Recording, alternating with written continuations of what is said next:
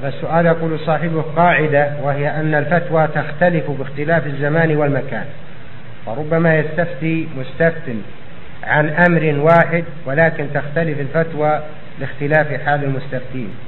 مثل ما تقدم تختلف بحسب أحوال البلد وظروفها واصطلاحاتها وأعرافها حكم الله واحد. حكم الله واحد. لا يتغير الحكم لا يكون الشيء محرما في زمان ومباحا في زمان. لا الحكم واحد. المحرم محرم والمباح مباح والواجب واجب السنة سنة والمكروه مكروه.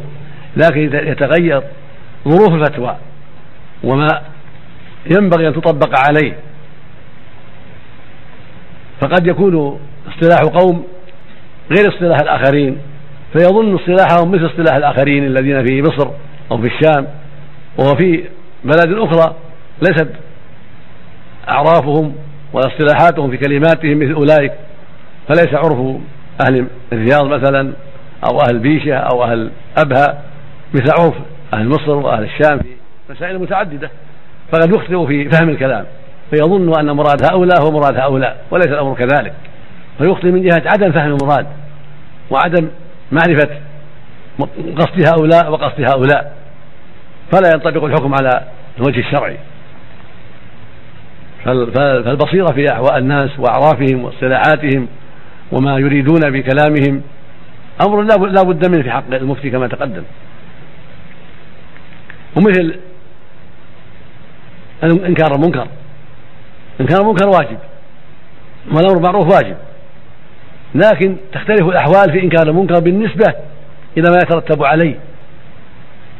فقد يكون في بعض البلاد أو في بعض الأحيان أو بالنسبة إلى بعض الناس إذا أنكرت عليه المنكر قد يترتب عليه منكر أكبر وشر أعظم. فحينئذ تترك إنكاره لا لأنه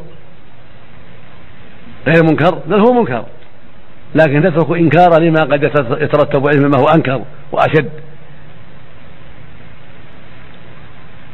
وقد يترتب على المنكر على إنكار المنكر منكر مثله فيحار الامر والنهي هل ينكره أو لا ينكره؟ لأن يترتب عليه مثله. فينظر ويتأمل كيف ينكر منكر هذا. الحاصل أن الأشياء قد يترتب عليها أمور لا لأن إنكار منكر ليس بواجب بل هو واجب. لكن قد يتوقف عن إنكاره لما قد يترتب عليه. من شر أكبر أو شر مماثل. ومما يقرب هذا ما جرى للنبي صلى الله عليه وسلم وإن كان غير منكر لكن مما يقرب هذا المعنى.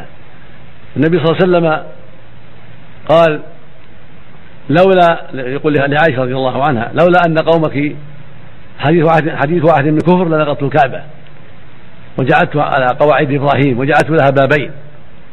فترك نقضها وتنفيذ ما قال عليه الصلاة والسلام خوفا من أن تنكر قلوب الناس ذلك. فترك هذا الخير وهذه المصلحة خوفا من شر أكبر يربو على هذه المصلحة وهذا يقع كثيرا في مسائل متعددة.